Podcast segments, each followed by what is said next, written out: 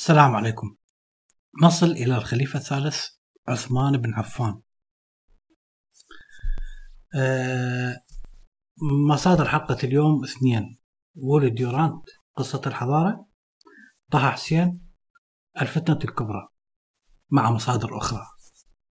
يقول المؤرخون في صفات عثمان بن عفان أنه كان شيخ مسن كان طيب القلب كان حسن النية. هذا الرجل أعاد بناء مسجد المدينة وقام بتجميله.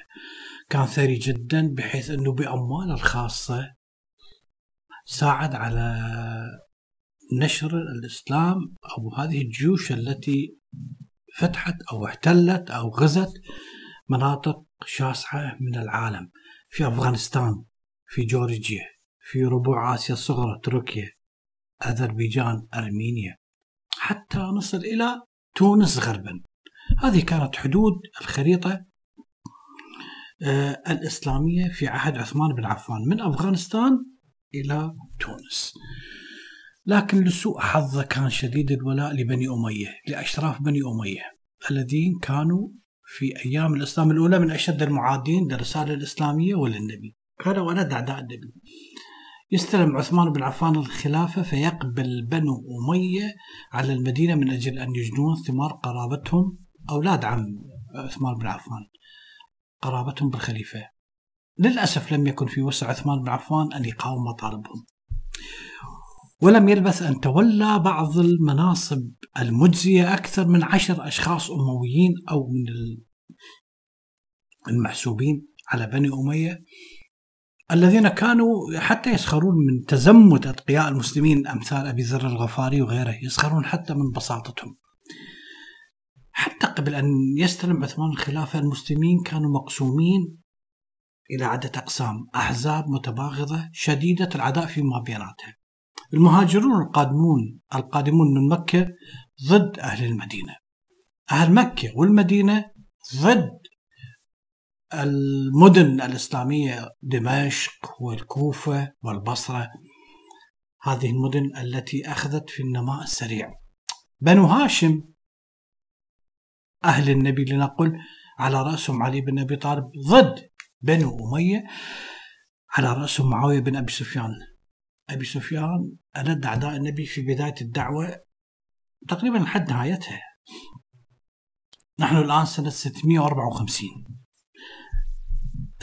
لا يوجد شيء جديد بالنسبة للفتوحات الغزوات الاحتلالات كما يعني حتى لا يزعل الآخرين. أنا شخصيا أسميها احتلالات يعني. آه، لا يوجد شيء جديد يعني العالم الإسلامي مثل ما ذكرت أفغانستان تركيا أذربيجان جورجيا إلى تونس هاي الخريطة. لكن الأمر المهم هو مقتل عثمان. وحلقة اليوم سوف تكون كلها عن مقتل عثمان. هو هذا أهم حدث في خلافة عثمان بن عفان. نحن الآن سنة 654 تتكون في البصرة بالبداية. جماعة عندها عقيدة ثورية ضد الفساد الإداري وضد الخليفة ضد عمال الخليفة. تنتشر من البصرة للكوفة تنتشر من الكوفة إلى مصر. في كل مكان تذهب هذه الدعوة تجد آذان صاغية ويتم اعتناقها ضد عثمان بن عفان ضد الخليفة من قبل الكثيرين.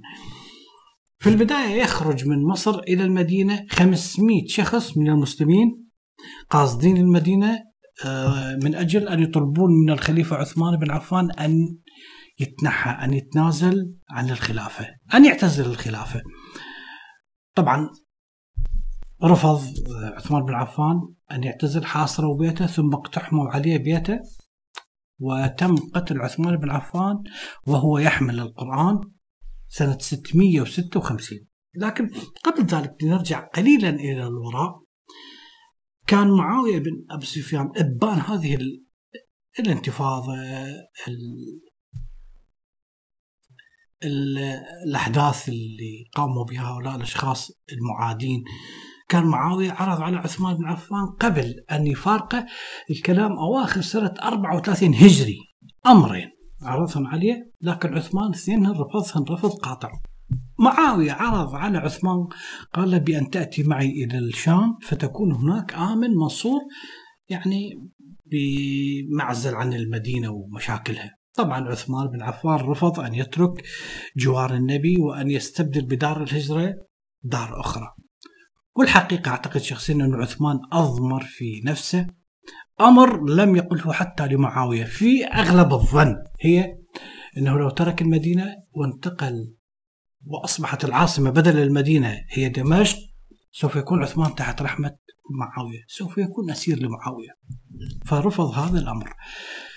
الأمر الثاني اللي عرض معاوية على عثمان بن عفان أنه أن يرسل إليه جند من الشام من أجل أن يحموه من أجل أن يقيمون معه في المدينة حتى يردون عنا العاديات ما الذي سوف يحدث لربما يحدث أمر سيء. أيضا رفض عثمان بن عفان وقال لا أضيق على أصحاب رسول الله بجوار من يجاورهم من الجند كما فعلوا الخلفاء العباسيين فيما بعد. هذا اللي استعان بالأتراك وهذا اللي استعان بالفرس والديلم وغيرها إلى آخره. فقال لا أستطيع أن أجلب جند يعني يفرضون سلطاني أو خلافتي بالقوة والغلبة. لا أستطيع أن أخضع دار الهجرة لهذا الاحتلال الذي آه، يعني سيكون أمر مؤسف جدا، لا أستطيع أن أخضع المهاجرين والأنصار لجند يرسلهم معاوية بن أبي سفيان من الشام. وهذا أمر صحيح لم يرد عثمان أن يكون أول من يحول الخلافة إلى ملك. ومؤكد لو أن عثمان بن عفان فعل هذا الأمر لأصبح طاغية. طاغية كيف؟ إنه سوف يحكم بالمدينة ويحكم أصحاب النبي بقوة هذا الجيش، هذا الجيش اللي يحميه من أصحابه. يحرسه إذا ذهب إلى البيت، يحرسه إذا ذهب إلى الجامع، يحرسه إذا تمشى في الأسواق يحرسه في كل مكان هذا كلام يعني يعني مؤكد إنه ما يليق بشخص مثل عثمان بن عفان. فحتى إذا يلقي له خطبة جيش محاوطين به وحتى إذا يمشي بالطرقات آه كما نرى يعني في الطواغيت إنه مشهد آه من الحرس اللي يحيطون به. فهذا أمر مسيء له.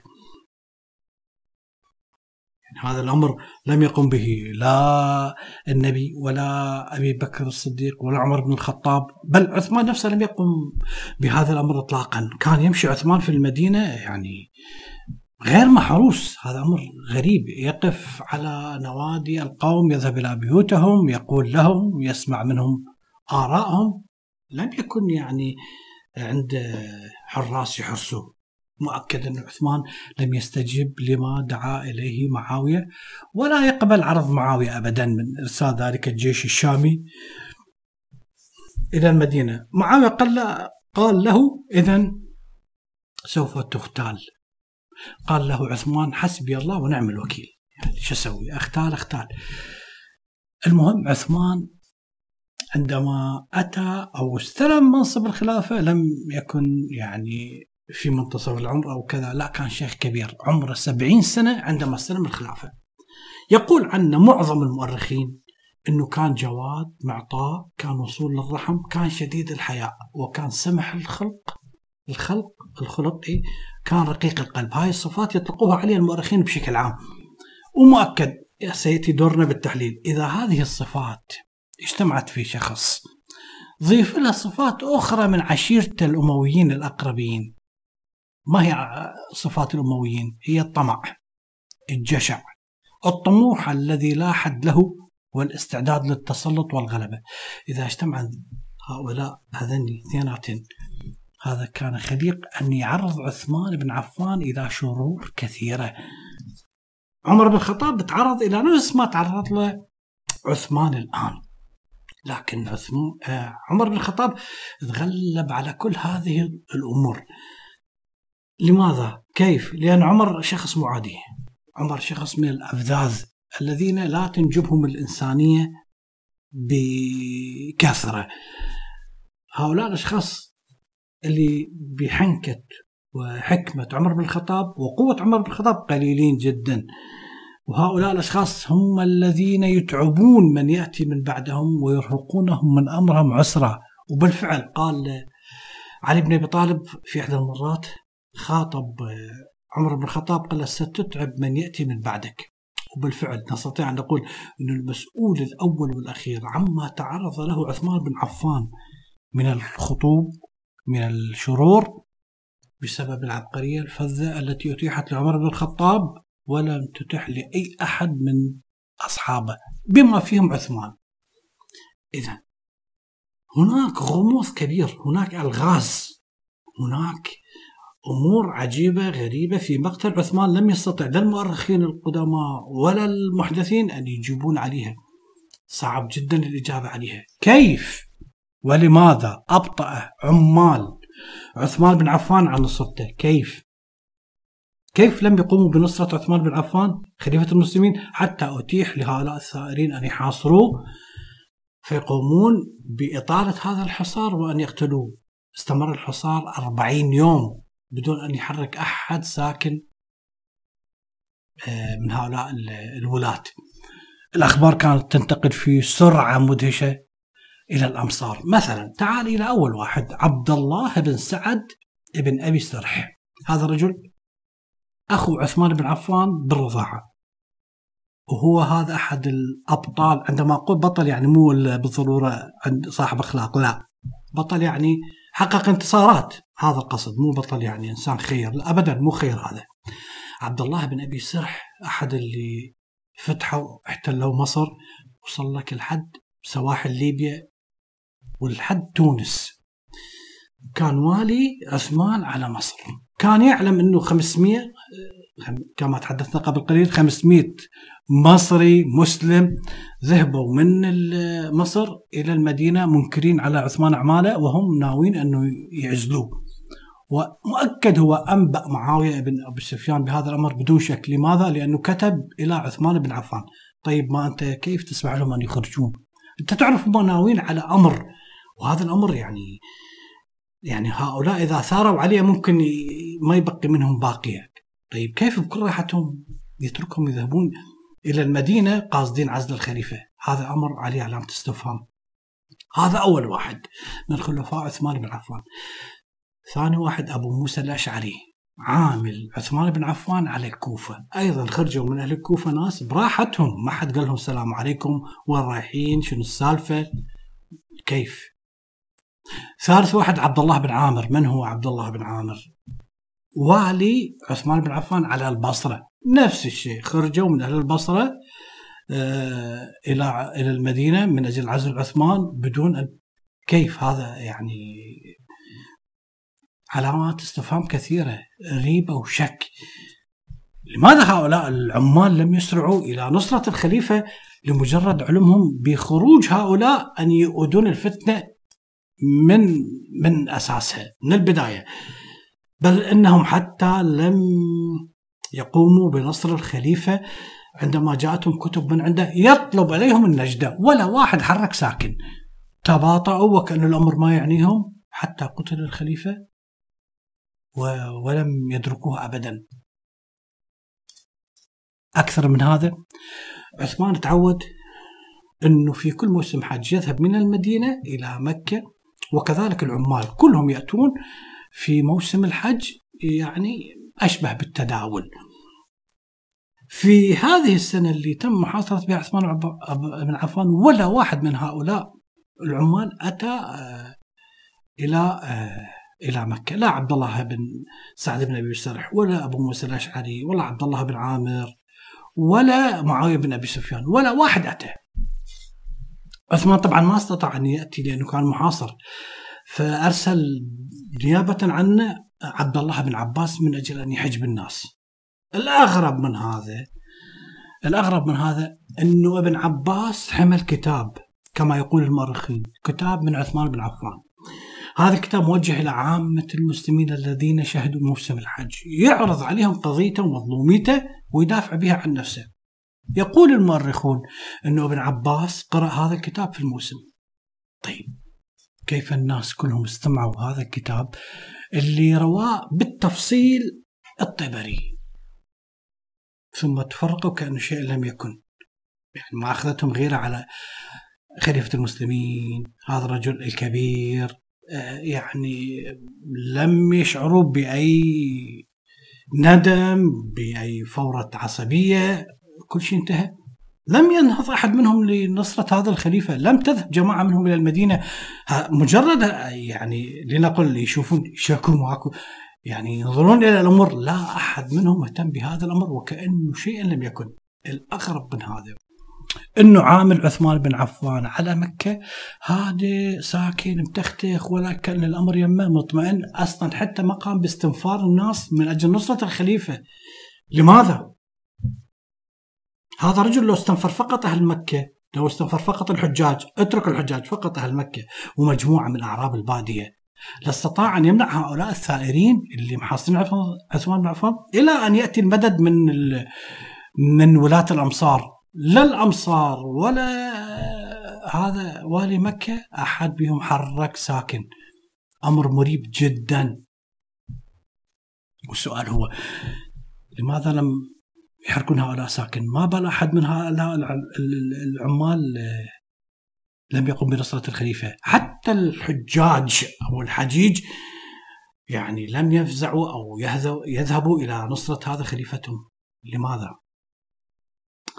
هنا تساؤل يطرح طه حسين. يقول هل يمكن أن تكون الأمة كلها أسلمت هذا الخليفة؟ لذلك المصير الرعية فترت وأضمروا العمال هذا الكلام طه حسين أضمروا هؤلاء العمال في نفوسهم شيء فتباطؤوا وثاقلوا والشغل كل واحد مو بنفسه. تركوا الخليفة اذهب أنت وربك فقاتلا. لثوار المدينة يصنعون به ما شاءوا. أهل المدينة نفسهم انقسموا إلى آه، يعني لنقل قسمين أغلبيتهم مع مع الثوار. وكانت الأقلية اللي هم أصحاب النبي بالمدينة خاذلة لعثمان بن عفان تنكر بعد سنتها هذا الشيء لكن ما تصنع أي شيء على الإطلاق والأمر هنا أيضا بعد أكثر غرابة من الولاة اللي ما نصروا خليفتهم إنه كيف استطاع هؤلاء الثوار إسكات هؤلاء صحابة النبي؟ من هم هؤلاء الثوار أصلا؟ من ما هي القوة التي يمتلكوها؟ هؤلاء أصحاب النبي فقط الموجودين بالمدينة لو فقط يحثون التراب في وجوه الثوار مؤكد سوف ينصرفون مخذولين كما قال بعض القدماء. اذا عثمان بن عفان لربما عنده جواب. لخص هذا الموضوع باكمله عندما قال إن الناس قد طال عليهم عمره فملوه. الناس ملوا مني. الكلام الطه حسين. يقول لا. أكبر الظن أن الناس لم يطل عليهم عمر عثمان فحسب بل طال عليهم أيضا عمر هذه السياسة. السياسة يقول آه، طه حسين أنه هذه السياسة لم تكن خلافة كالتي يعرفوها عند أبو بكر الصديق وعند عثمان آه، عمر بن الخطاب. ولا هي سياسة ملوك كما سمعوا بها أو عرفوها من القياصرة قيصر وكسرى إنما هي كانت شيء من هذا ومن هذا. إذا في ليلة قتل عثمان بن عفان أصبح الصبح وهو صائم. تحدث إلى أصحابه إلى الأقربين منه بأنه مقتول في ذلك اليوم. والناس لحد اليوم يعني المصادر التاريخية ما تذكر يختلفون في في من اللي اللي قتله أشد الاختلاف وأعظم الاختلاف. نعم الرجل قد يكون مخطئ في سياسته، قد يكون مصيب، قد يكون الثوار ظلموا عثمان بن عفان عن علم أو عن غير علم. هذا الأمر باكمله يفسر علي بن أبي طالب في إحدى المرات لأهل الكوفة عندما قال: استأثر فأساء الاثره وجزعتم فاساتم الجزع. عندما نأتي إلى الصحابة ال standard لنقل في المدينة في وقتها كانوا ثلاثة من الصحابة ال standard علي طلحة الزبير. هؤلاء الثلاثة ما هو موقفهم من الأحداث أحداث قتل عثمان؟ ما هو موقفهم قبل أن يقتل هذا الخليفة؟ ما هو موقفهم من الظروف التي انتهت إلى قتله. نأتي اولا إلى علي بن أبي طالب. علي بن أبي طالب كان يقف إلى جانب عثمان كان يخذل الناس عن الثورة والفتنة. ما استطاع إلى ذلك من سبيل. أصبح سفير بين عثمان بن عفان وبين لنقل الثوار من أجل أن يردهم على المدينة. أصبح سفير مرة أخرى بيناتهم وبينه وأخذ من عندهم الرضا والأمور يعني توشك تنحل. لكن هناك بؤرة عفن.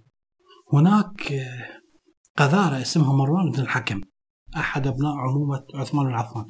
هذا كان مثل الافعى الرقعاء الافعى المجلجله ذات الأجراس.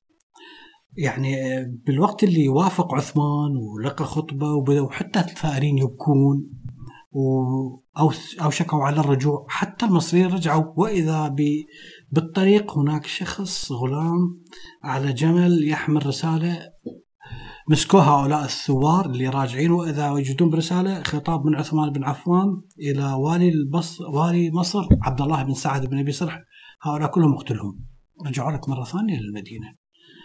فعندما أتى علي بن أبي طالب والبقية هذا الكتاب شنو؟ أقسم عثمان بن عفان إنه لا يعرف شيء عن الكتاب. مؤكد إنه مروان بن الحكم هذا الإنسان اللي, اللي تعجز كل الكلمات عن وصفه الإنسان البذيء آه قد فعل هذا الأمر. مع ذلك في إحدى النصائح اللي ينصحها علي بن أبي طالب لعثمان بن عفان يقول له وسمعت كما سمعنا وصحبت رسول الله كما صحبنا وما أبو بكر ولا عمر بن الخطاب بأولى بعمل الحق منك. وأنت أقرب إلى رسول الله وشيجة رحم منهما. هذا الكلام في نهج البلاغة. حاول بكل جهده علي بن أبي طالب أن يصلح الأمور لكن بعد أن احتلوا المدينة آه لم يستطع أن يقوم بأكثر من هذا الأمر. اجتهد مع ذلك أن يوصل إلى الماء لأن حاصروه قالوا قطرة ماء ما تشرب. هذا الرجل اللي آبار كثيرة يعني هو اللي قام ب آه، عملها للناس. فحتى من الماء. في مرات استطاع أن يوصل الماء وجعل الإمام علي حراس يحرسون بيت عثمان بن عفان. هؤلاء الحراس اللي عينهم علي بن طالب الحسن الحسين عبد الله بن الزبير العفو. إي نعم نعم. عبد الله بن الزبير ومحمد بن طلحة لكن المقاتلين أو الثوار السوروا سوروا من سطح البيت ونزلوا وقتلوا هذا خلصنا من علي بن أبي طالب. تعال إلى الزبير. الزبير أصلا لم ينشط في رد الثائرين ابدا. نشاط ملحوظ ولم يحرضهم تحريض ملحوظ. هذه شخصية قلقة شخصية آه، الزبير. وصف عمر بن الخطاب أفضل وصف. قال مؤمن الرضا كافر الغضب. يعني يقول له يا زبير مؤمن الرضا كافر الغضب. لكن مع ذلك ظل يترقب الزبير هوى مع من؟ مع الثائرين لعل الزبير لم يكن يتصور أن الأمور تؤول إلى مقتل عثمان يعني كان حسب ظني يتأمل أنه يتم عزل الخليفة وهو يصبح خليفة. يعني لربما. هذا بالنسبة للزبير. ماذا عن طلحة؟ طلحة لم يخفي ميوله إلى الثائرين لم يخفي هذا الأمر أبدا كان يحرضهم ولم يكن يخفي أطماعه في نفسه. حتى أن عثمان بن عفان كثيرا ما شك من هذا الرجل في السر والعلن. الرواة المؤرخين بأكملهم يذكرون بأن عثمان بن عفان استعان بعلي بن علي بن أبي طالب من أجل التصرفات اللي يقوم بها طلحة. وبأن علي أبي طالب استجاب إلى عثمان بن عفان فذهب إلى طلحة يشوف إيش يسوي هذا. فرأى عنده بالبيت مجموعة من هؤلاء ضخمة مجموعة ضخمة من الثائرين حاول أن يعني يرد عن الخطة اللي يعمل بها لم يستجب له طلحة أبدا. اللي سواه علي بن أبي طالب تصرف تصرف بالنيابة عن عثمان بن عفان ذهب إلى بيت مال المسلمين فاستخرج من عنده أموال وبدأ يقسمها على الناس. الثائرين عوفوا طلحة بن عبيد الله وتعالوا حال حالكم حال حالهم حال بقية الناس. بدأوا يستلمون يعني هاي الأموال. وعندما سمع عثمان بن عفان رضى بهذا رضي بهذا الفعل اللي قام به علي. نعم يزعم الرواة انه طلحة لما رأى ذلك أقبل على عثمان دخل عليه تائب معتذر. فقال له عثمان لم تجئ تائبا وإنما جئت مغلوبا. والله حسيبك يا طلحة. مهما يكن من أمر فقد قتل عثمان وهؤلاء الثلاثة موجودين في المدينة يرقبون ما يصنع الناس وكان هؤلاء الثائرين يملؤون المدينة رعب وخوف. سيكون فيما بعد طلحة والزبير هم أكثر المدافعين عن آه، أكثر المطالبين بقتلة عثمان. يعني تصور التاريخ مو, هذا التاريخ عندما يأتي ويقول لك إنه جميع الصحابة عدول رضي الله عنهم علي رضي الله عنه طلحة رضي الله عنه الزبير رضي الله عنه معاوية رضي الله عنه عثمان رضي الله عنه هذا كلام ما يعني حتى الدب يضحك منه. ناس قتلوا فيما بيناتهم ناس شربت من دم ناس. ويا ريت هم بس هم تقاتلوا. عشرات الآلاف من الناس قتلوا بسببهم. فيتجاهلون وكأنه يصوروا إياهم ملائكة. لا مو ملائكة. وناس حاقدين على ناس. فيجب أن نعرف التاريخ وندرسه. لا نبقى نطمطم. لأن تاريخنا كله طمطمة وواقعنا أيضا طمطم. مثل النعامة اللي دافنة روسها راسها بالتراب والبقية كلها طالعة. هو هذا تاريخنا وحاضرنا. يعني لحد قبل ما أسجل الحلقة وأنا أطلع يعني أقضي وقت أتفرج على الفيسبوك. أحد الكتاب ماذا يكتب؟ مصريين. كاتب إنه أمريكا آه، تستهدف مصر آه، عن طريق رفع الدولار. والحقيقة يعني والله الموضوع ما له علاقة، إحنا نعرف إنه أمريكا الفدرالي الأمريكي عندهم مشاكل فيرفعون الدولار، والعملات العالمية كلها مربوطة بالدولار. فمن يرتفع الدولار أو أسعار الفائدة مؤكد الدينار الجنيه المصري أيضا يرتفع. هذا الأمر يعني إنه تلقيه على أمور خارجية. مو كثير من المؤرخين يحاولون إنه يقولون انه هناك أناس من غير مكان من غير كوكب. هناك شخص حرضهم وأتوا هؤلاء مثل الطناطله والمساطيل قتلوا عثمان. لا كلام غير صحيح.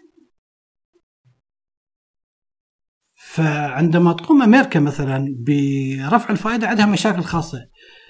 اللي دا يصير إحنا بدل أن نعترف بأخطائنا مثلا الدولة المصرية تعرف إنه عندهم الجيش المصري هذا الجيش أبو الكفتة واللي يبيع موز وتفاح وفواكه واللي مهيمن على الاقتصاد والمصانع باكملها وهاي مصيبة. لا يوجد جيش بالعالم. إحنا نعرف الجيش مهمته حماية الحدود وكذا. الجيش المصري متدخل بالاقتصاد. سياسة من شخص واحد هو اللي يقرر. لا توجد حرية صحافة ولا حرية إعلام ولا حرية فكر برلمان يطبل له. وهذا الرجل خبلوه اللي هو السيسي مصايب باكملها ما أحد يجرؤ على حلها فيذهبون إلى عامل خارجي مثل ذولا اللي يبحث لك عن عامل خارجي من التاريخ حد الآن إحنا نفس الشيء.